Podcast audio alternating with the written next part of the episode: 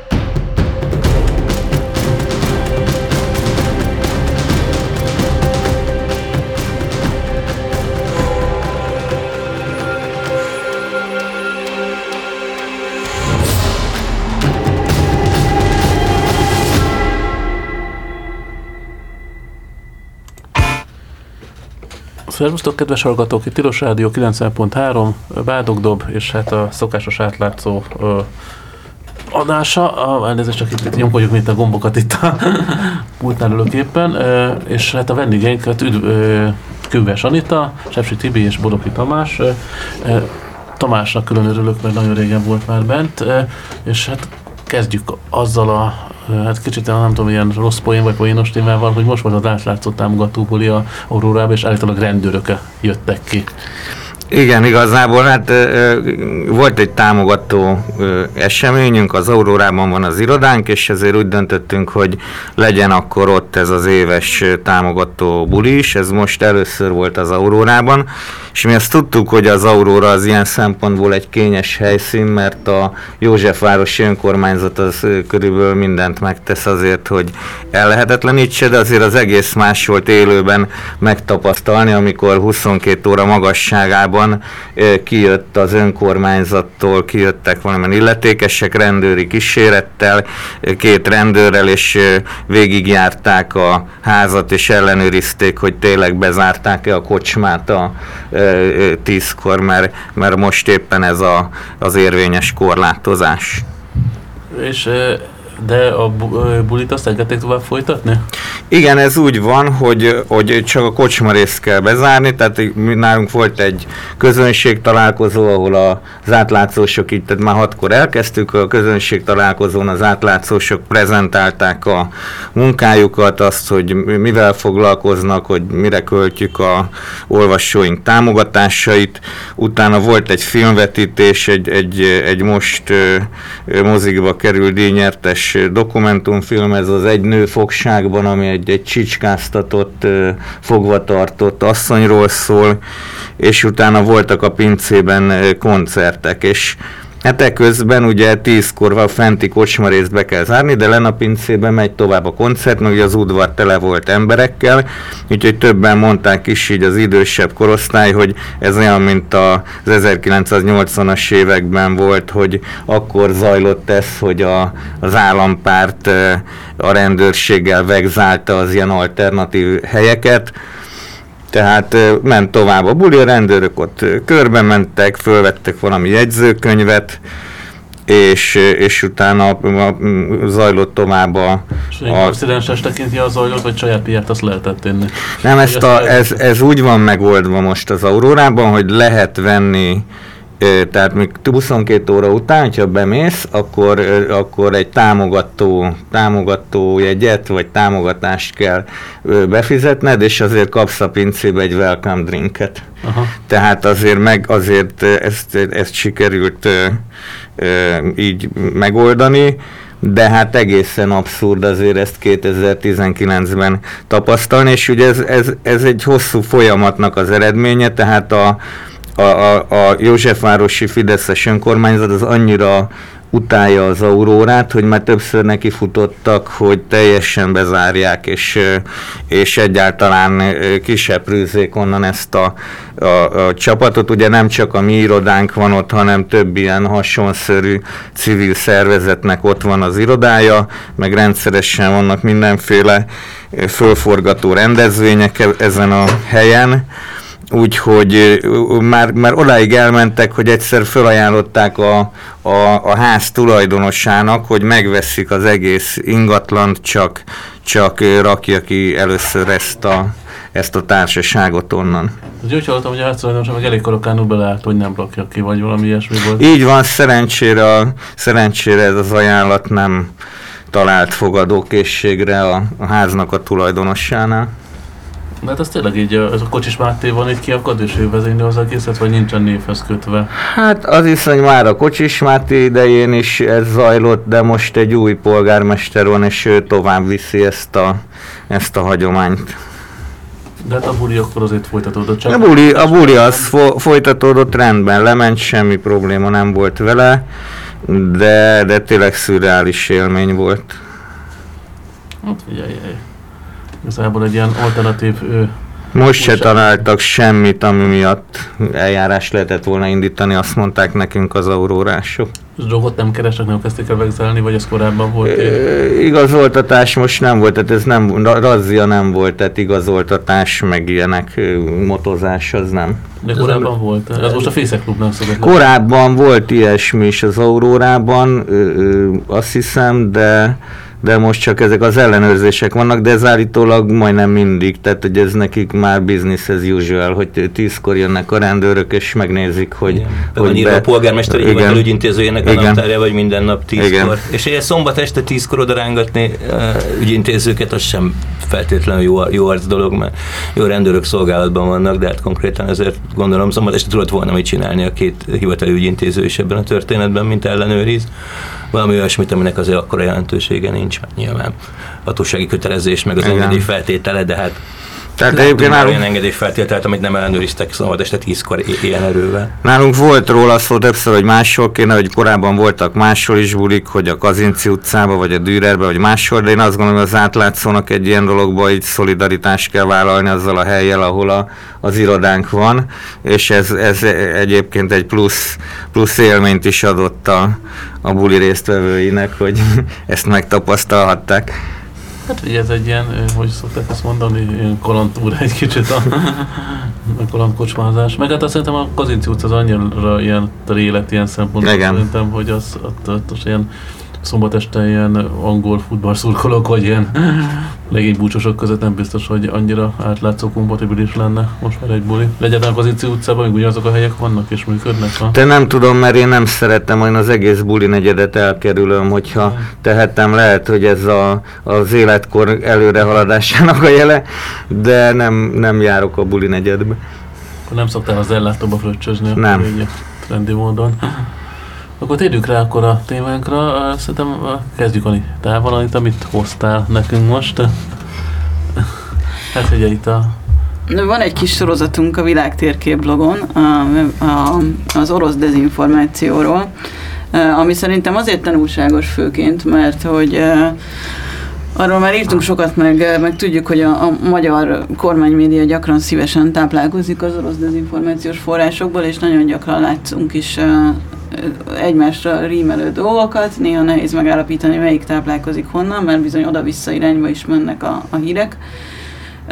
De, de elég gyakran szoktunk erről írni, például nagyon érdekes volt, hogy a Notre Dame-nak a leégését, azt ugye tudjuk, hogy a magyar politika és a kormány média is kihasználta, és előszeretettel elkezdtek terjeszteni olyan ötleteket, hogy ezt most akkor így lehet, hogy nem véletlen volt, vagy nagyon jól megérdemelték a franciák, mert elvesztették a, az erkölcseiket, és nagyon érdekes, hogy az orosz kormány propagandában ugyanezek a dolgok megjelentek.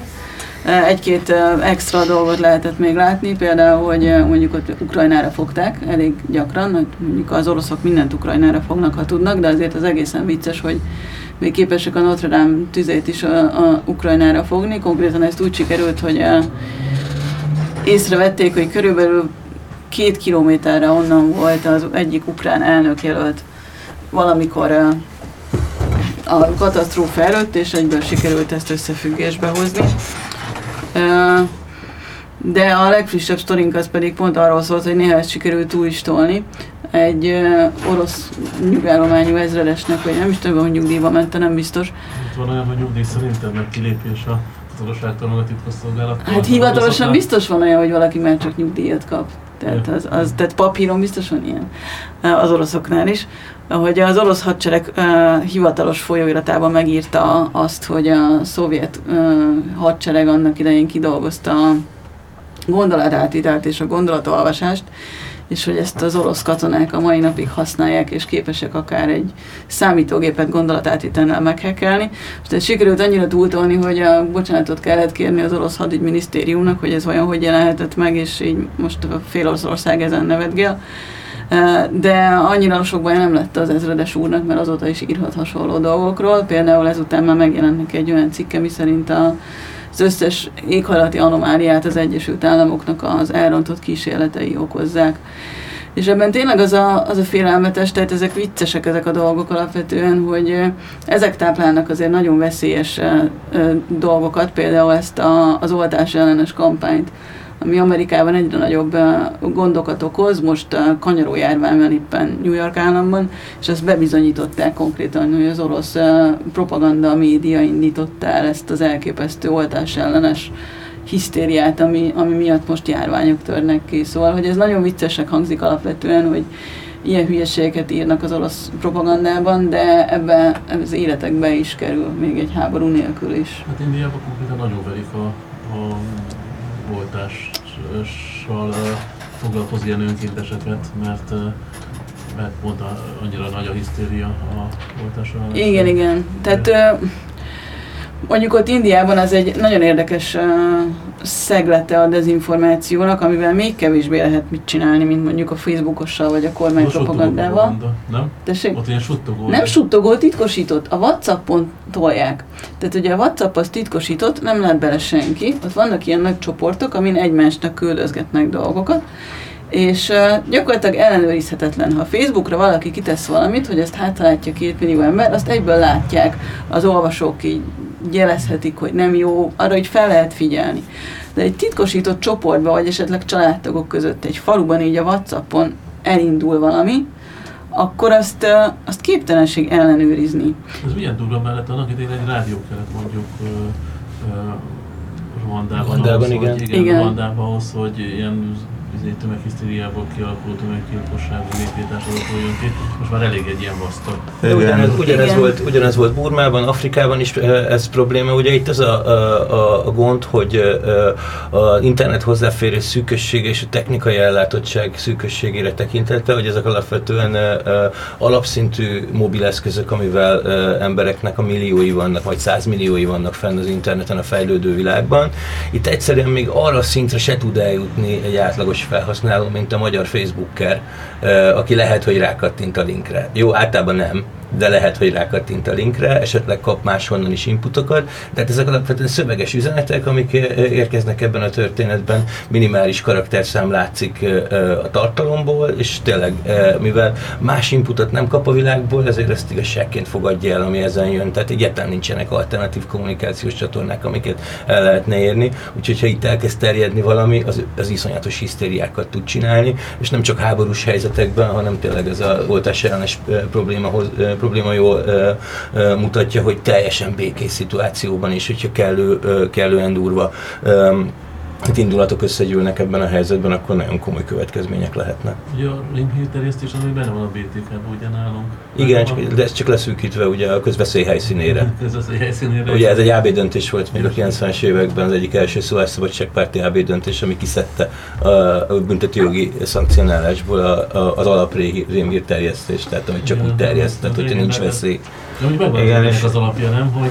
Igen, hát meg hogy mire alkalmas nyilván ebből a, ebből a szempontból tesztelhető. Tehát ha a rémírterjesztés gyűlöletkeltő, és annak eredménye az, hogy emberek halhatnak meg, az Magyarországon továbbra is bűncselekmény. Tehát ez a közösség elleni izgatásnak, vagy akár valamelyik erőszakos bűncselekmény előkészületének, vagy kísérletének az a fajtája, amikor, amikor a büntetőjog belép azért. Igen, és egy sajtó szempontból meg az a baj ezzel az egésszel, hogy a, ezek az álhírek, meg, meg kreált hírek, ezek sokkal szexibbek és népszerűbbek, mint a, az, a valóság tény alapon nyugvó unalmas hírek. Tehát tehát egyszerűen iszonyatos nézettségeket lehet generálni, tehát ha valaki mondjuk ebből él, akkor eléggé csábító lehet az, hogy ilyen híreket közöljön, de még olyan óriás cégek is, mint a YouTube úgy állítja be az algoritmusát, ebből most volt egy, egy kisebb botrány, hogy a nézettség növelése érdekében úgy van beállítva az algoritmus, hogyha ha ilyen sorozat lejátszáson hagyod, akkor már a harmadikra valami teljes képtelen ilyen, ilyen szenzációs álhírt fog fölhozni, egyszerűen azért, mert azt látja az algoritmus, hogy azt többen nézik, meg tovább nézik. Tehát az egész kattintás alapú, illetve a, figyel, az, e, a, a nézőknek a figyelmért folytatott versengésben az álhírek azok hatalmas előnyt élveznek. Meg az a durva, hogy az előnyei azok sokkal gyorsabban leszüretelhetők, mint majd a negatív következmények bejönnek. Tehát a Facebook, ami már tényleg jó ide óta integet, meg kongresszusi meghallgatások, meg európai parlamenti meghallgatásokon van túl a Zuckerberg, és meg mindent meg kellett ígérni annak, annak érdekében, hogy tényleg most már csinál valamit. Na ezen a Facebookon ma nézegetem a, a, a, a ismerőseim magánéletét és közéletét, és feljön egy olyan hirdetés, ami, ami első látásra is durván becsalizó álhír, ami arról szól, hogy a, a svédek az euróhez, euró helyett bevezetnek egy kriptovalutát, és gyorsan vegyünk abból a kriptovalutából, mert most, hogy bejelentették a svédek hatalmas nagy előnyt, vagy hozamot lehet behozni vele, és ehhez képest feljelentettem egy ilyet csalásként, aztán utána két perc múlva megjelent egy második, és még két perc múlva egy harmadik, és nyilvánvalóan, aki ezt felrakta, az pontosan tudja, hogy ezek egyébként órákon keresztül lesznek csak fenn, azért küldött hármat, na de annyi ember, aki a kevéssé tudatos internet használók közül rámegy erre az oldalra, az vesz annyit ebből a kriptovalutából, hogy megérje, még azt is, hogy esetleg utána elkapják azt, aki ezt csinálja. De úgy úgy jel, mint ahogy vannak az a klasszikus ilyen az bűnözői szubkultúrában, hogyha lebuktatsz valakit, vagy feljelentesz, vagy az utcán is segítesz, akkor így jól megnézes, hogy tudom, hol vagy, tudom, hol lakszod, és megtalálunk. Hát, és nagyjából érted, ilyen csalókat lebuktatsz, akkor gyakorlatilag az internetes nyomaid alapján Jó, hát szerintem, szerintem tízezret magammal küldtem el ezt a bejelentést, mert megnéztem, hogy hogy volt targetálva a történet. Mindenkire, aki angolul beszél a, a, a, a lapja alapján, úgyhogy szerintem meghúzom magam ott a tömegbe. Hogyha nem hallgatják ezt a rádió műsort, akkor ezt megúszhatom ezt a történetet. Igen, ezt az állampolgári kinyúlva mindjárt egy csáp és beránt majd. Ez simán. Egyébként én nem is értem egészen tisztán, hogy mit, miért okoz ez akkora problémát, hogy ketté válasszák, hogy mi a legitim hír és mi az álhír, hiszen hisz, tehát de, de már ilyen komplet fact-checking cégeket húznak fel, meg embereket vesznek fel, akik elvileg ott ülnek és mindenféle nyelvekkel ellenőrzik, miközben mondjuk az, hogy mi egy legitim médiacég és mi nem, azt elég könnyű jogi alapon szétválogatni, hogy akinek ugye van impresszuma, elérhetősége, per, be, bejelentett sajtótermék perelhető, tehát nekünk mondjuk, mint átlátszó, hogy csomó plusz pénzbe kerül az, hogy mi, mi perelhetőek vagyunk, nekünk jogászaink vannak, mi nem közlünk hülyeségeket, és helytállunk azért, amit közlünk és ez, ezt nagyon könnyen szét lehetne válogatni, hogy kik azok, akik bejelentett sajtótermékek és elérhetőek és perelhetőek, és kik azok, akik nem. És egyszerűen ez, e, e, e, e mentén nagyon szépen e, szét lehetne szortírozni azt, hogy, hogy kik az álhír ter, és kik a, a valódi... Jó, de amikor állami szintre viszik az álhírterjesztést, tehát most állami médiumokkal, vagy államilag finanszírozott impresszummal ellátott médiumokkal. No, hát őket perelik is, ugye ők rengeteg... És sokra megyünk vele. Hát, ne, ugye... Ez igaz, csak uh, ugye több, több szint van, a két megközelítés együttműködik, tehát most egyelőre úgy nézünk ki, hogy uh, ugye uh, alapból abból indul ki majd az új algoritmusban a Facebook, hogy semmi nem megbízható, és a, amilyen ilyen kellő tekintélyen rendelkező komoly sajtóorgánum, az berakja majd egy, egy, egy pozitív listába. Ez tök jó, csak ugye ennél sokkal cizelláltabb a történet, tehát vannak, a, a, vannak az abszolút, tehát a montenegrói álhírgyár oldalak, akiket, amit szintén használnak, Amerikától Nyugat-Európáig mindenhol arra, hogy, hogy ott bedobott információkból legyen aztán a, a politikai kampány. Montenegrót az oroszok pénzelik? Hát, vagy orosz vagy, vagy, miért a Montenegró? Mindegy, is jó pénzért lehet ezt értékesíteni, tehát a, a, a Montenegróban épült ki ott egy, egy nem is Macedónia. A Trump kampányban volt. Nem is, Montenegró is volt, de Macedónia volt a durvább talán. Ott volt az, ahol... Koszovóban egyébként. Koszovóban is van, nagyon jó. Tehát, hogy ott a, a Balkánon nagyon sokan élnek jól abból, hogy, hogy előállítanak kifejezetten elhírtartalmakat, és nagyon olyan jól működik a történet, hogy már rendelésre kell nagyon, mert hogy pontosan tudják, hogy éppen mik az aktuális témák, mondjuk egy politikai kampányban. És akkor De kapják a pénzt rendelés nélkül, hogy hát ugye, proaktívan, hogy figyelj már Kattintásra, kattintás, ilyen, igen. tehát ilyen automata tehát ez a, ez a win-win játék minden oldal számára, mert neki jönnek a kattintások, aki meg megosztja mondjuk politikai szereplőként, vagy politikai aktivistaként, így a szürke szférában mindenhol van ilyen a politikában, mondjuk ilyen, nem mondok magyar példát, de ilyen egy politikai erőt támogató Facebook csoportok például, azoknak meg azért jó, mert hogy nem kell gondolkodni, hanem mert is itt le van, írva, itt le van írva, hogy mit csináltak a demokraták, mit csináltak az akárkik, és hát nyilván szintől függetlenül működik, tehát hogy a, a baloldali sajtónak is megvannak ugyanazok a, a brutális álhírgyártó elemei a világon majdnem mindenhol.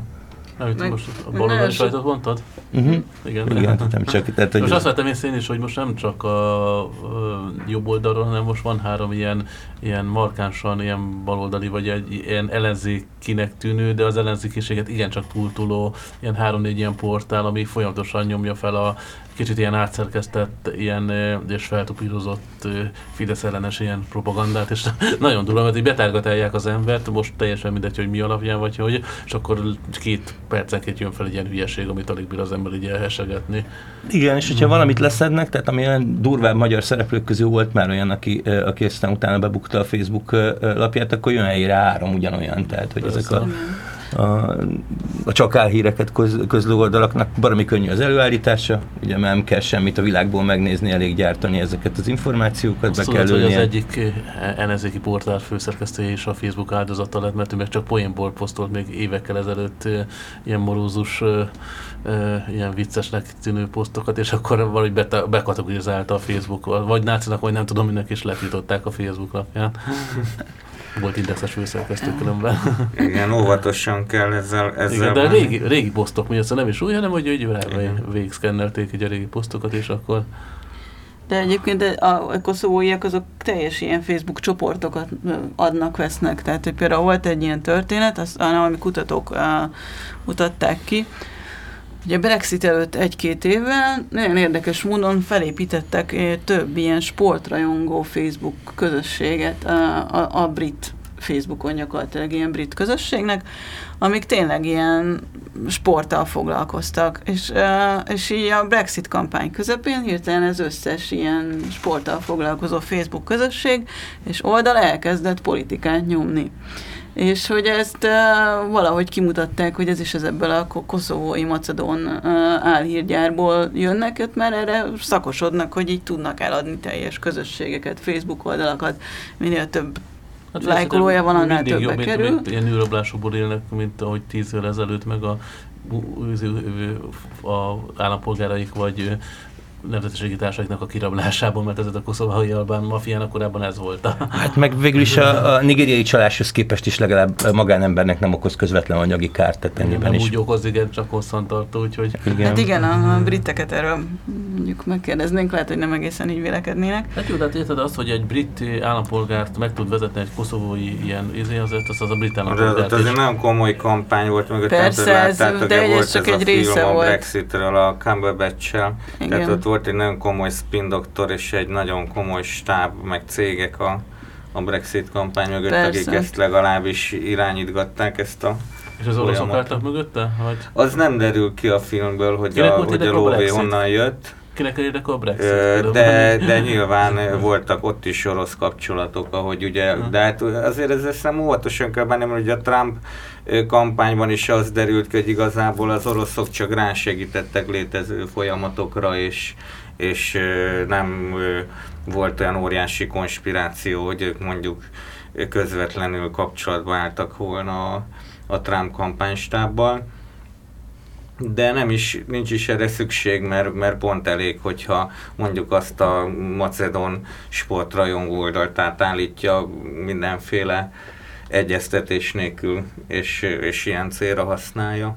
Hát ami szerintem még ennél is veszélyesebb, mert hogy a, a, az ilyen eddig fogkrémet kaptam, fogkrém hirdetéseket kaptam, aztán hirtelen jön a Brexit hirdetés, mert ilyen is volt, tehát az egyik nagy Brexites szponzor az a magáncégének a, a marketing adatbázisát kezdte a Brexit mm. üzenetküldésre használni, amiért el is messzelte a brit adatvédelmi hatóság tavaly év végén, két évvel a népszavazás után, tehát hogy ez se az a klasszikus időben jövő szankció, ami visszatart tarthatná attól, hogy hasonló helyzet lesz, akkor miért ne ismételje meg ezt a Hát igen, ez szerintem ugyanolyan, mint ugye most megy ez a kamupárt botrány, hogy a jaj, lemásolták az aláírásokat, és jaj, rengeteg kamupárt fölvett egy csomó pénzt, de hát ugye a választás ez lement már több mint egy éve, és az eredmény szempontjából az már mindegy, hogy most rájövünk, hogy, hogy mekkora ö, problémát okozott. Persze, de, de ugye a politika mindig a jelenben él ebből a szempontból, neki a, a következő választást kell megnyernie, ebből a szempontból ezek a jogi garanciák, azok mindig sajnos utólagosok, hogyha ha, ha olyan a politikai kultúra, hogy, hogy kapcsolódik hozzá társadalmi meg választói nyomás, tehát hogyha van következménye még annak, hogy, hogy azt gondolják a választók, hogy, hogy egy politikai szereplő korrupt, vagy egy pártnak a finanszírozása nincs rendben, akkor ennek lehet utólag hatása, de közvetlenül menet közben nem nagyon tud belenyúlni ebbe a történetben, tehát mondjuk a, a utolsó komoly politikai szereplő, aki ilyen típusú necces ügy miatt kiesett a rendszerből, az a Fion francia ö, ö, ex ö, vezér volt, aki ugye ö, ö, hát ö, köztességi elnök jelöltként esett ki tulajdonképpen a rendszerből, de a választók döntése alapján, úgyhogy korábbi ügyei voltak, neki is a botrány az meg kitört a, a kampányidőszakban is volt következménye, de hát végül is a, a konkrét ügy miatti bírósági elmarasztás, ez csak most történt meg szintén, ugye két már évek óta Macron az elnök, tehát már végrégen túl vagyunk ezen, de igen, tehát ez mindig utólagos valamennyire. De ennek ellenére, hogy magában a fenyegetés megvan, az fontos tud lenni abból a szempontból, hogy ne szabaduljanak még jobban el a dolgok van egy ilyen, nem tudom, hogy Conte a Brexit kampány mögött állítólag a chat szerint egy amerikai üzletember állt, valami Robert Leroy Mercer, vagy hasonló nevű figura, nem biztos, hogy... Hát ő szerepel a filmen is, nem? Ha. Azt hiszem, hogy Igen. a Mercer megjelenik, mint az egyik finanszírozó a Brexit filmen is. Igen, ott, ott, ott, ott ezek ugyanazok a republikánus körök, akik a akiket a Trumpot is finanszírozták, hogy kicsit talán ebbe is benne voltak.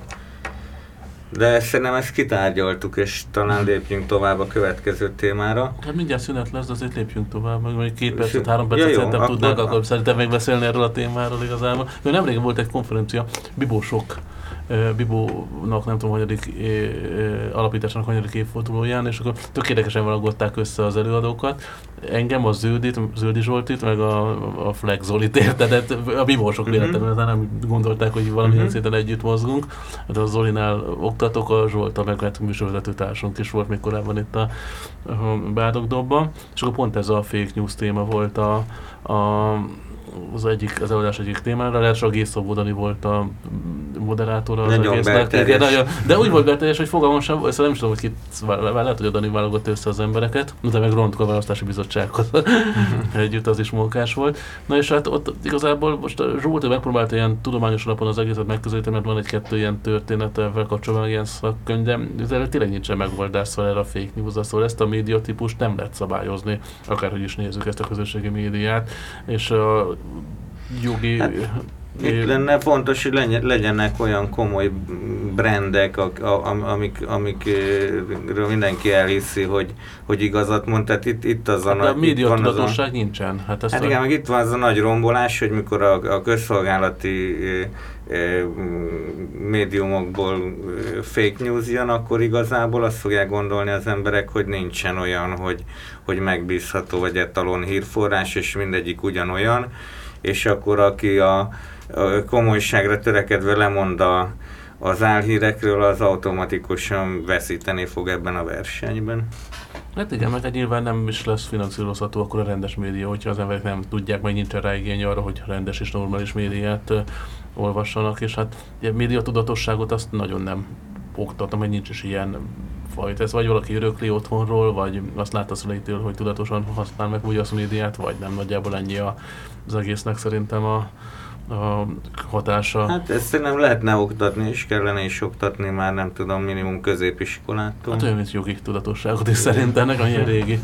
Hát nyilván a, igazából ez valószínűleg egy komplex állampolgári ismeretek ö, oktatásnak a részeként lenne érdemes ezt megcsinálni, vagy nem tudom, valami olyan ö, képzési tematikában, ami, ö, ami általában a, a, a könnyű megoldások ellen ható gondolkodós dolgokra ö, koncentrálna, tehát hogy ugye mantraszerűen mondogatjuk látjuk azt is, hogy a pénzügyi tudatosságra nevelés baromi fontos lenne, aztán igazából abban is részkísérletek vannak, de úgy azért az, az nem látszik, hogy ezekkel elégedettek lennénk. Vannak uh, uh, ilyen állampolgári nevelési uh, panelek is uh, uh, osztályfőnöki órába ágyazva, meg különböző ilyen, uh, ilyen félig uh, tárgyszerűen a, a középfokú oktatásban, meg az alapfokú oktatásban is, de ezek tényleg nagyon fontosak lennének, és uh, ezeket muszáj lenne abba az irányba aktualizálni. Nyilván az is szép, hogy elmondjuk, hogy mi van az alaptörvényben, mert mi a feladata az országgyűlésnek, de hogy valahogy ezt úgy élővé tenni abba az irányba, hogyha ha, um, ha önálló véleményt akarsz kialakítani valamiről, akkor hogyan szerez információkat például. Tegnap voltam a,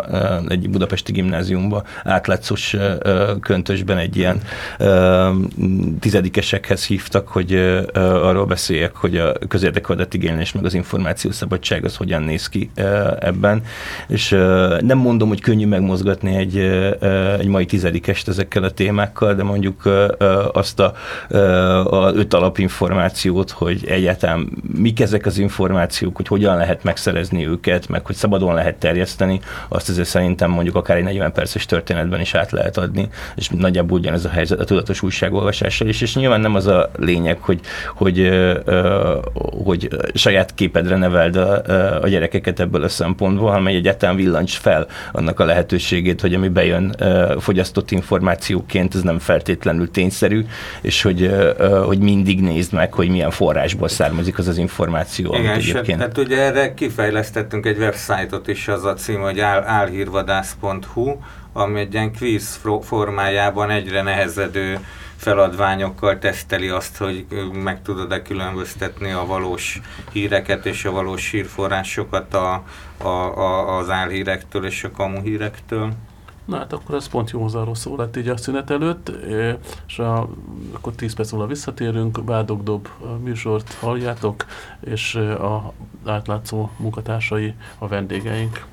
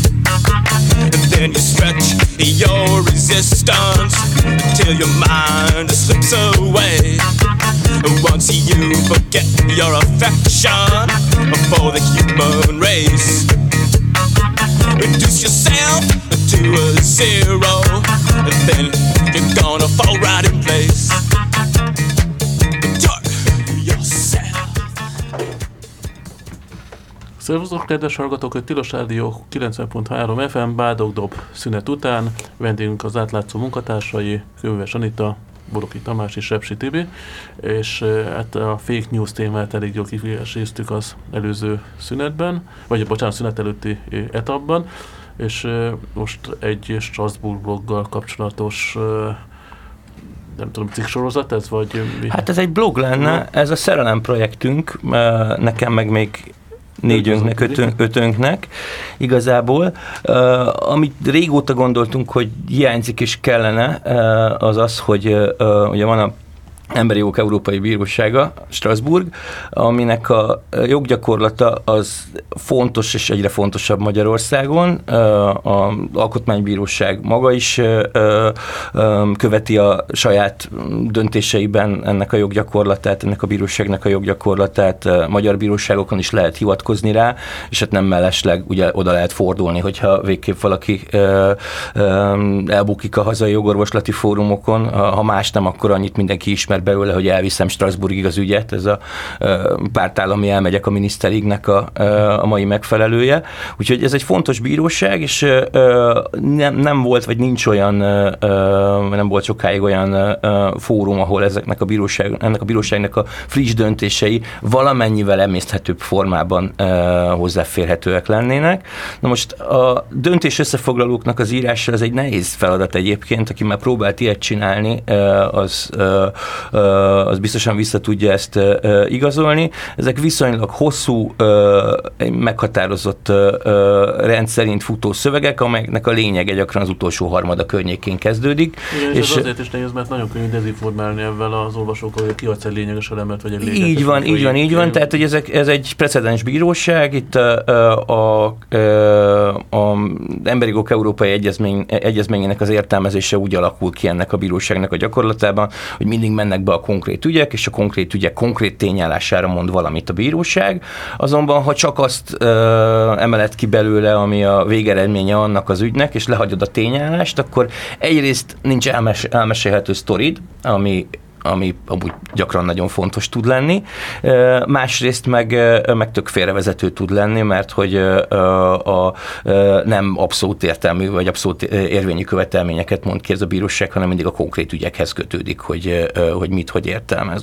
Úgyhogy most megpróbáltuk ezt egy kicsit orvosolni, ezt a hiányosságot, és elindítottunk az átlátszós blog felületen egy Strasburgi figyelő nevű blogot, ahol a legfrissebb Strasburgi ügyek közül válogatunk, méghozzá oly módon, hogy minden magyar ügyet, aminek érdemi jelentősége bárki számára az országban lehet, tehát nem egy formai elutasítás azért, mert hogy nem sikerült kitölteni rendesen a formanyomtatványt, azt mindenképpen összefoglalunk, most már van fenn a blogfelületen az elmúlt hónapokban kirakott posztok alapján több mint, egy, több mint fél tucat magyar ügy, és emellett pedig a, a, nem magyar ügyekből meg azokat emeljük ki, amelyeket, amelyek érdemi elvi újdonságot jelentenek. Ezzel alól néha teszünk kivételt, tehát most például, amit én foglaltam össze múlt héten, egy török döntés, ott igazából, ami tartalm, tartalmilag benne van a döntésben, az talán annyira nem izgalmas, viszont egy ö, olyan török alkotmánybírónak az ügye, akit a, a gülenista pucsnak a másnapján letartóztattak, ö, és azóta is ö, börtönben van, és ő nyert a török állam ellen, mert hogy a, nem sikerült megindokolni annak idején semmilyen bizonyítékkal azt, hogy miért tartóztatják le. Tehát, hogy ez, ennek a, a, a jogi része az, az automatikus, de az, hogy ez hogyan történt, mik voltak ennek az ügynek a körülményei, azok érdekesek. Igyekszünk ezt... Ez elég érdekes, hogy, hogy versenyfutás az idővel, hogy tovább írja a börtön többen, mint hogy a Gülant. igen, vagy a igen, igen, mert olcsón megúszta, mert hogy 11 évet kapott első fokon, közben már megszületett neki a döntése. Ő magában azért, mert hogy, hogy tagja ennek a, a gülenista összeesküvésnek a, a bíróság szerint, tehát ő nem tett egyébként semmit, a pucsban közvetlen részvétele nincsen. Az általa elkövetett bűncselekmény a török bíróság szerint az volt, hogy kapcsolódott ez a hálózathoz, rendelkezett rendelkezett egy olyan mobiltelefonnal, közvetett bizonyíték van csak rá, tehát magát a, bizonyít, magát a telefont nem foglalták le nála, ami az ezzel a szervezettel való kapcsolattartást szolgálta, illetőleg a gülenistákkal tartott személyes kapcsolatot, plusz a külön véleményeiben, meg alkotmánybírói tevékenységében a gülenisták érdekeit képviselte. Tehát ennyi, a, a, a, amire, amire sikerült 11 év 3 hónapot kiosztani a török bíróságnak első fokon, de ez még nincs Strasbourgban. A, a, amit megnyert, az az, hogy amikor elfogták, akkor nulla bizonyíték volt az aktában. Tehát semmi nem volt az aktában, önmagában a gyanúra ö, börtönözték be. És erre mondta a Strasbourg, hogy szép-szép, persze pucs van, és ilyenkor rendkívüli állapot, meg minden más, na de olyat még se lehet csinálni, hogy valakit nulla bizonyítékkal bevisztek előzetesbe. Igen, bocsánat, csak ez egy kis adalék, hogy nemrég voltam Törökországban, és tényleg valami egész félelmetes volt az, hogy a, repülőgépen adtak egy angol nyelvű újságot, ami kimondottan így a látogatóknak szólt, és két ilyen hurrá optimista, turista, csalogató cikk között ott volt egy olyan cikk benne, ami ilyen ilyen egész félelmetes módon büszkélkedett azzal, hogy már 30 ezer gülenistát tartóztattak le, és vetettek börtönbe, és részletezte, hogy ezt is, hogy ők itt telefonokat használnak, meg konspirált lakásokat, egy, egy olyan összeesküvést festett fel ez a cikk, és, és az egésznek az volt a kicsengése, hogy de hogy a hatóságok ő, végzik a dolgokat, és már több mint 30 ezret belőlük börtönbe csuktak. Tehát, hogy azért az, az valami egész elképesztő, ami, a, ami, ami ezen a téren Törökországban történt. Tehát az első napos letartóztatást, ez, ez igazán hátborzongató a történetben, hogy megtörténik a pucs úgy, ahogy, tehát hogy nyilván az, az, az, hogy, az, hogy erre reagál a török állam, az teljesen rendben van, hogy ki és hogyan robbantotta ki, és mi volt a, a közvetlen háttér, ezt valószínűleg sose fogjuk megtudni ennek a történetnek, de hát... De van az arra, hogy tudott róla. Hát igen, hát, illetve hát az, hogy, hogy éjfélkor még az van, hogy fennáll a komoly veszély annak, hogy valóban megpucsolják, ehhez képest másnap elvisznek több ezer embert. Köztük tényleg a, két alkotmánybírót, több száz ügyészt, bírót, tehát hogy tényleg a, a, az államaparátusnak azokat az embereit, akiket ehhez a körhöz soroltak, azokat elvitték, hogy minek alapján, és pont ezért érdekes ez az ügy, hogy mi, miük volt akkor meg, és itt ebben az ügyben kiderült, hogy semmi. Tehát, hogy a, azokat a bizonyítékokat, amiket később felhasználtak arra, hogy az elsőfokú ítéletet megalapozzák, tehát amire aztán megkapta a börtönbüntetését, azokat kivétel nélkül jóval később szerezték meg. Tehát, hogy ö, ö, ugye, 2016. júliusban volt a, a, a pucs, ehhez képest a legkorábbi bizonyíték, amit a török kormány elvitt Strasbourgba, hogy tessék ez alapozza meg, hogy megalapozott volt a, gyanús, a gyanú az augusztusi. És a, a, egy tanúvallomás egy, egy másik terheltől, hogy ő úgy tudja, hogy ő is tagja volt ennek a, a szervezetnek, és ilyen és ilyen álnéven kommunikált egyébként a többiekkel. Tehát, hogy, és, és akkor erre szórták ki is. Persze nyilván, tehát ha, ha tényleg terrorszervezet, és a, a, a, többiekkel egyeztetve valóban pucs, pucsra készül valaki, akkor ezek arányos büntetések lennének, csak hát tényleg úgy tűnik, hogy a, ahhoz, hogy bevigyék őket börtönbe, ahhoz semmi nem kellett, ahhoz, hogy elítéljék, ahhoz meg, ahhoz meg teljesen abszolút közvetett bizonyítékok is elegek lehettek. Tehát, hogy ezek, ezek azért jobban hasonlítanak a kevésbé jogállami eljárásokhoz egyelőre ennek alapján, amik, amik itt látszanak. És például pont ezért fontos egy ilyen ügy, hogy ezek, tehát itt egy, egy külső szereplő, aki nem érdekelt a konfliktusban, tehát nyilván Strasbourg elismeri, hogy van ilyen, hogyha valahol pucs van, akkor fel kell lépni, de ő átvilágítja a bizonyítékokat, megnéz, mindent becsatoltatnak, és akkor ehhez képest megszületik az a döntés, hogy, hogy a török bíró kivételével, aki felmondja a külön véleményében a török kormánynak az indoklását, egyébként egyhangulag azt mondja a bíróság összes többi tagja, hogy, hogy nulla bizonyíték volt ebben a történetben. És ebből a 30 ezerből szerinted mennyi jut el Strasbourgig? Tehát, Szerintem nagyon sok, csak itt, itt jön az a problémája Strasbourgnak, hogy a tömeges ügyekkel nem nagyon fog tudni szórakozni, tehát hogy, hogy érdemben foglalkozni, és erre valamiféle eljárási megoldás születik menet közben.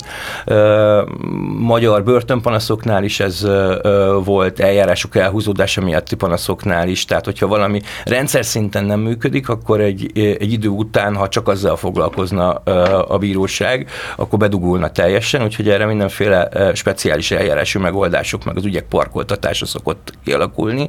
Nyilván nem véletlen, hogyha egy alkotmánybíró van benne panasszal, akkor azt előre veszik kvázi, és mondjuk egy strasburgi szempontból gyorsan, vagy gyorsnak mondhatóan megszületik mondjuk két év alatt egy ilyen döntés, de hogy, hogy, hogy ebből nyilván tömeges panaszok lesznek, és hogyha ha az alkotmánybírót bizonyíték nélkül vitték be, akkor valószínűleg a, az önkormányzati ügyintézőt is, aki szintén bekerült erre a listára, és előbb-utóbb azt is meg fogják állapítani, és akkor ott is ki fogja nyomni Strasbourg a, a letartóztatás miatt mondjuk, mert ez egy jó megfogható jogsértés, mondjuk a 10 ezer eurós kártérítés, mint itt ebben az ügyben. Mondjuk ez azért ijesztő, mondjuk, hát mégis egy NATO tagországról van szó, és azért egy viszonylag ilyen demokratikusan működő országról. Hát most azért látszik is, hogy egy kicsit ezzel szorong, a választáskor meg is szorongatták most Erdogan, csak Hát nem ez akarom rá- nagyon messze van a demokratikus. Jó, csak korábban, de korábban azért valamilyen szinten Tehát azért amikor kim voltunk még választások előtt, az Isztambul úgy tele volt plakátolva Erdogannal, tehát minden második házfalon Mhm. Erdogan volt, úgyhogy egy, egy, nem is értem, hogy, hogy nem tudta ott megnyerni a választást. Hát a, a Törökország a világ egyik, talán a legnagyobb bebörtözője az újságíróknak, tehát több mint száz újságíró van már évek óta folyamatosan börtönben. Folyamatosak a, a, a rajtaütések a szerkesztőségeken, már van egy egészen nagy török újságíró kolónia Németországban, oda menekültek, és ott is próbálnak utánuk nyúlni, tehát azért ez a demokráciától Nem borzasztó azt mondtam, messze hogy korábban azért... Tehát Hát korábban igen, ezt korábban az mondta, hogy korábban egy gyalog demokrácia. Igen, hogy korábban, és akkor, hogy eddig így el tudott fajulni. Mondjuk egy intőjel, inkább ezt úgy mondanám, hogy majd remélhetjük, hogy ennek nem lesznek követői itthon ezeknek az Hát ötleteknek. nagyon reméljük, hogy nem jutunk el odáig. Igen. Igen. Hát az Nem- egyik, leg, az egyik legnépszerűbb ellenzéki vezető, az már elég régóta börtönben van, szóval, hogy És egyébként ezeknek a Strasburgi döntéseknek milyen visszatartó ereje van, mert egyébként amíg a majd a harmadik témánknál is szó lesz erről, hogy az EU mit tud egy, egy, egy, egy ilyen dolgoknál csinálni, tehát hogy mondjuk akkor ki, ki szab 10 euró büntetést, és ennyi, és ezt a Nem, állam ez, kifizeti. ez ugye öm, öm, országfüggő, a, a magyar ö, jogrendszer ebből a szempontból kifejezetten Strasbourg barát, ö, ö, Pokol Béla különvéleményei ellenére még az Alkotmánybíróság is, tehát eleve ami Strasburgi gyakorlat, azt ö, az AB alkalmazza, ezt nyugodtan mondhatom, és következetesen igyekszik alkalmazni általában. A rendes bíróságok meg nehezen álltak rá kicsit a 90-es évek végétől, amikor Magyarországon elkezdett működni ez a rendszer, meg nagyon sok idősebb bíró már nem tanulta meg a, ezzel való foglalatoskodást, de azt mondanám, hogy a rendes bíróságok is alkalmazzák a jövőre nézve. A konkrét ügyet meg azért tudja megoldani eh, ez, eh, hát ügy típustól függ egyébként, hogy, eh, hogy hol milyen eljárással, mert hogy a, a magyar jogrendszer a Strasburgi elmarasztalás ö, rendkívüli jogorvoslattal lehetővé teszi azt is, hogy a konkrét ügyet is meg lehessen ezek után nyerni. Tehát aki, aki tartalmilag megnyer egy ügyet büntető ügyben Strasbourgban, annak aztán utána a, a büntetőjogi következmények tekintetében is rendben lesz az ügye, mert hogy ez egy perújítási ok a büntetőperben, hogy, ö, hogy, ö, hogy Strasbourg kimondta, hogy egyezménysértő volt a, a, az elítélése. Tehát, hogy ez egyelőre működik. Nálunk azért akkora nagy viharokat eddig politikailag nem keltett a Strasburgi tevékenység. Ugye mm, Kövér László már házelnökként nagyon neki ment Strasbourgnak akkor, amikor ugye a vörös csillagos döntések jöttek a, a, a, a kommunisták által, a, tényleges kommunisták által alkalmazott kitűzés kapcsán, és ott volt egy-két negatív hangulatjel ebben, meg, meg van egy olyan narratíva, még jogászok között is kormányhoz közel, ami, ami általában utálkozik a európai emberi jogvédelemre, de, de, de nálunk ez azért működik, tehát hogy, hogy egyfelől, ha valaki Strasbourgban nyer egy ügyet, akkor azt meg fogja kapni az államtól a kártérítést, másfelől meg a, a konkrét ügyében is előre lépést tud elérni. Ahol nem ilyen a jogrend, tehát mondjuk a, a, egy másik török ügy, amit most néztem, ott például az van, hogy a 15 éve ugyan megállapították, hogy ö, ö, egyezménysértően ítélték el ö, az egy, egyik akkori ö, a jelenlegieknél egyértelműben török terroristának mondható terroristákat, azok pont baloldali kommunista terroristák voltak, ö, és ott például volt egy egyezménysértés megállapítás, de a török jogrendszer ö, 15 év alatt nem jutott el odáig, hogy a tényleges életfogytiglant valóban meg lehessen mm, támadni, amit ott kiszabtak, tehát hogy végül is ott gyakorlati következménye annak, amit megállapítottak a konkrét ügyben nem volt. Oroszország is hajlamos inkább kártérítések szintjén maradni és nem megoldani jogsértéseket, de azért nem ez a jellemző. Tehát azt gondolnám, hogy a, a miénk, meg még ennél is fejlettebb jogi kultúrák, azok általában tartalmilag is végrehajtják ezeket a döntéseket. Ki is vontak az oroszok, nem a hatály alól. Nem, nem mindig csak pampognak, meg ugrálnak, de egyelőre ilyen kemény lépéseket nem hoztak meg. Ön azt hittem, hogy akkor meghozták, akkor most volt véve. Két hete hoztak ki egy Navalnyios döntést uh, Strasbourgban, tehát hogy itt mindig elmondják, hogy ez mennyire rosszul működik, és ezt most már tényleg nem. A britek voltak egyébként a harmadik nagy ellensége érdekes módon a, a, a, a részes államok közül ennek a történetnek. Őket, a, gondolom, őket az idegenrendészeti ja. döntések háborították fel, nagyon neki ment a, a, a ottani konzervatív bulvár ezeknek az ügyeknek, és a, ahogy az EU-nak, úgy a, a, a vele kicsit összemosva Strasbourgnak is neki ment a, a, a brit sajtó, és ott is felmerült, hogy valamilyen speciális megoldás legyen, de ezeket a brit felvetéseket eddig lekeverte mindenki, azt mondták, hogy ilyen nincsen, nem tessék végrehajtani ezeket a döntéseket, azért vannak. Úgyhogy Bre- Brexit-tel Strasbourgból is kilépnek, vagy az két Nem, nem, abszolút, tehát a, a Strasbourgban, Strasbourg az Európa Tanács, az Európa Tanácsban minden komolyan vehető méretű európai állam részes, Fehér Oroszország az egyetlen kivétel. Tehát ez egy olyan bíróság, és ennek megfelelő is a gyakorlata egyébként nem túlságosan progresszív, és nem túlságosan kemény, és a tagállami speciális alkotmányos szempontokat gyakran figyelembe vevő gyakorlat, ami, ami egyszerre igyekszik hát Oroszországtól Írországig egy standardet megállapítani, és ami, amit Strasbourgban buk egy állam, bukik egy állam, az, azért az a legtöbb esetben egyértelműen durván nincs rendben. Tehát, hogy nem csak vannak azért persze határesetek, meg olyan esetek, amikor Strasbourg jogot fejleszt, de azért a, az ügyeknek a döntő többsége az, az nagyon durván támadható eljárás.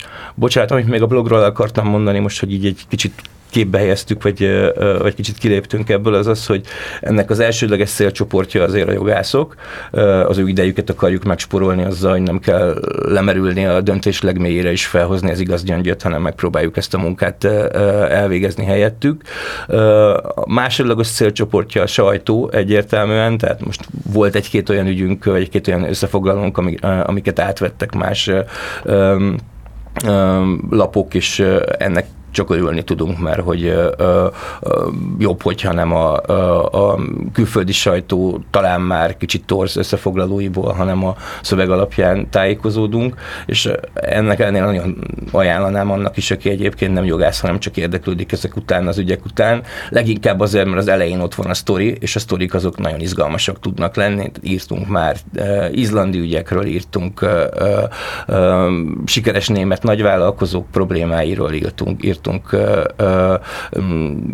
egyszerű kelet-európai átlagpolgárokról, meg bebörtözött törökországiakról, tehát hogy szerintem abból a szempontból is érdekes a történet, hogy, hogy egyáltalán mik azok a, a témák, amikből tud lenni európai szinten. És az viszont elmesélve is érdekes, nem csak a, a jogi következmények tekintetében.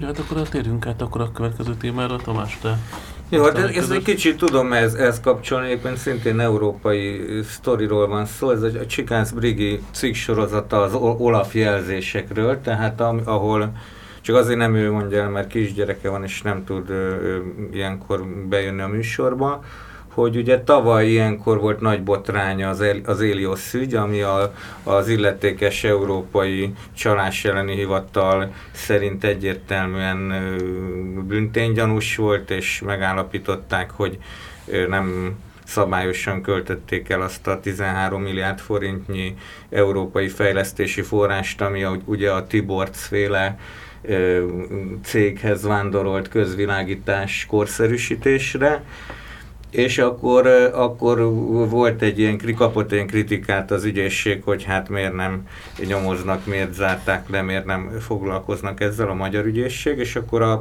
Polt Péter kiadott egy listát, egy, egy európai parlamenti képviselőnek a írott levelében, hogy hát ez, ez nem így van, mert itt van még egy tucatnyi ügy, ami szintén Olaf jelzések alapján indult, tehát az Olaf valamilyen uniós pénzköltésben csalás gyanís, gyanított, és ez ilyenkor ugye ők jelzik az adott ország ügyészségének, hogy akkor tessék ezt kinyomozni és megnézni, hogy mi történt, és hogy hát ezekben folyamatban vannak az ügyek, és, és mi igenis nyomozunk az Olaf megállapításai alapján, és akkor mi azt találtuk ki, hogy nézzük már meg, hogy a, a többi ügyben, mert ugye mindenki az Elios ügyről beszél, de hogy a többi ügyben mi lett ezeknek a, a nyomozásoknak az eredménye. Ugye több mint tíz éve jönnek már ezek a, az Olaf jelzések, és hát gyakorlatilag az látszik, amit az Elios ügyben is az történt, hogy a magyar állam a helyett, hogy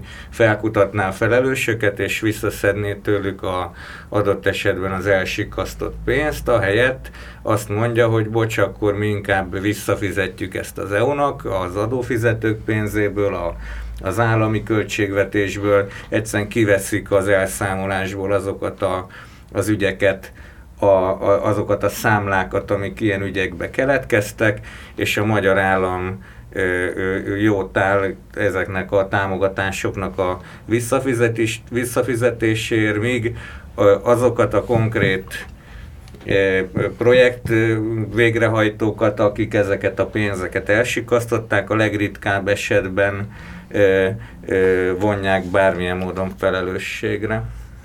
Igen, hát volt hír már korábban erről, és hát konkrétan a Tiborcs féle Elios számlát vették ki, vagy több számlát is kivettek?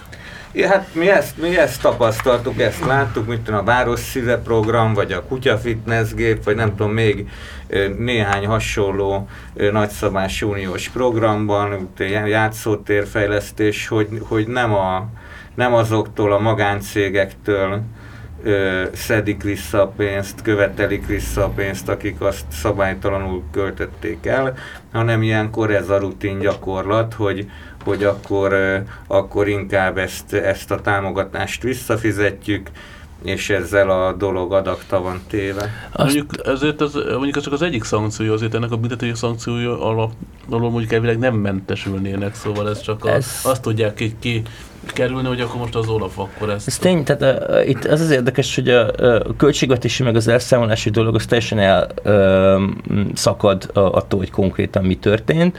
Ameddig az EU-nak el kell vinnie ezt az ügyet, ez egy jóval alacsonyabb bizonyítottsági fok. És neki uh, eddig, amíg nem volt uh, uh, égető, hogy valamit um, hasítsanak ezen a területen, mert hogy ez kézkezett most, és valamennyire mindenki korrupt, és ez belefér ebbe a történetbe, tehát normál működés mellett. Nem is volt érdeke, hogy még több energiát rakjon benne, tehát ő elvitte a formai jogsértések, meg a formai elszámolási problémák uh, és visszaélések szintjéig a dolgot, azt mondta, hogy tessék, ezt bebizonyítottam, 30%-kal csökkentem a támogatási keretet, vagy kérem vissza az egész támogatást, de ez abból a szempontból is viszonylag puha, hogy általában nem, tehát hogy ez ö, ö, elszámolási időszaktól is függ, meg attól is függ, hogy mennyire vagyunk a 7 éves költségvetés lezárásától, ö, meg minden mástól, de nagyon sok esetben nem az történt ezekkel a pénzekkel, hogy bebukta a magyar költségvetés, hanem hogy le lehetett hívni egy másik EU-s program részeként, amit még tehát át lehetett csoportosítani ezeket a kereteket.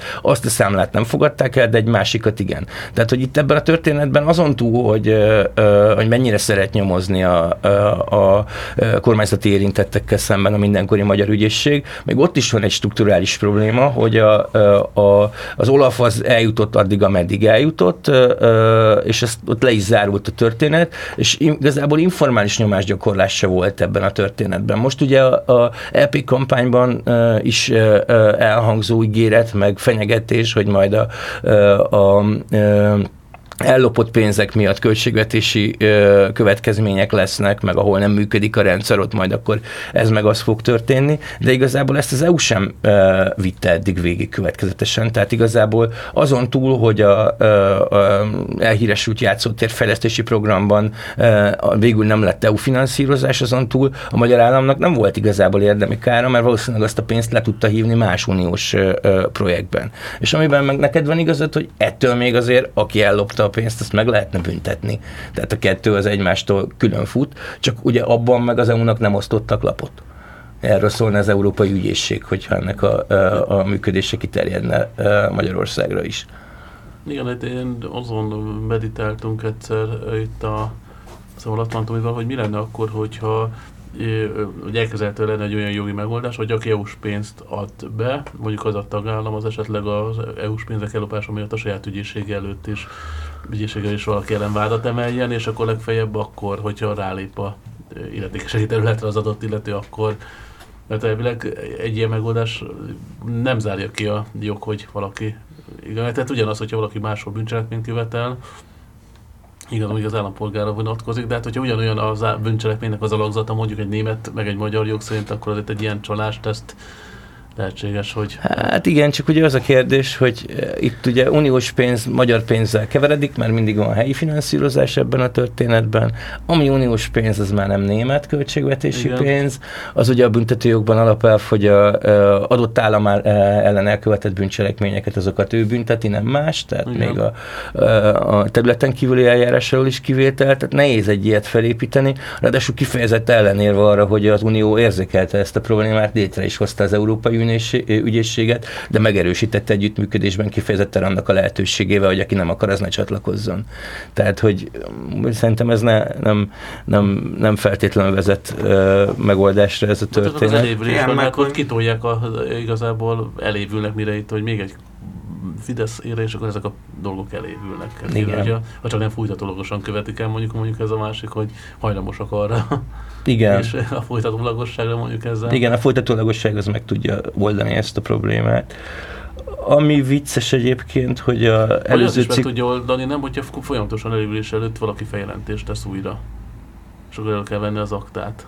Hát igen, de valami érdemi cselekmény is kéne az, hogy ténylegesen hát, megszakadjon az elévülés szerintem. Hát rengeteg feljelentés szerzett, ugye legutóbb, amivel ezben a cikk sorozatban foglalkoztunk, ez az öveges program volt, amikor ilyen tudományos tantermeket hoztak létre, és itt is több millió forintot kellett visszafizetni az EU-nak, és ugye a hatházi Ákos ezt vitte, ezt, ezt nyomta ezt az ügyet évekig, és tett rengeteg feljelentést. Ezeknek, tehát általában nyomozás sem indul meg, hanem gyakorlatilag az, ami az Elios ügyben történt, hogy a nyomozás eredménytelen és a pénzt visszafizetik, ez rendszer szinten is igaz ezekre. Hogy eredménytelen, a... akkor miért fizetik vissza a pénzt? Ez az ellenmondás benne. I, hát igen, ez a fura, és ugye még, még ráadásul átláthatósági problémák is vannak, mert például ebbe az ügyben nem mondták meg ne, még ne, nekünk se, hogy a 14 milliárd forintból hány milliót kellett végül visszafizetni, hanem ezt egyszerűen a nyilvánosság kizárásával így, el, így a szőnyeg alá söprik ezeket a történeteket. EU-tól nem lehet ilyen adatot kérni? Ezt nem próbáltuk még szerintem. Lehet, hogy meg kéne próbálni, mert a, a, a magyar hatóságoktól nem túl esélyes. Na, időközben meg véget ért a műsoridőnk, úgyhogy ha csak egy zárószavatok van még, akkor azt nagyon szívesen meghallgatom, és akkor lezárjuk a műsort, mert hírek következnek mindjárt. Hát köszönjük a figyelmet. Köszönjük a figyelmet. Igen, Olvassátok az átlátszót, és egy hónap múlva jövünk.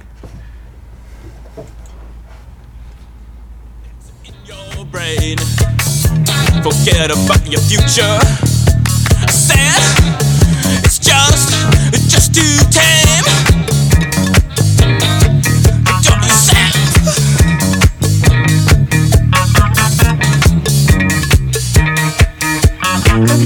Yourself.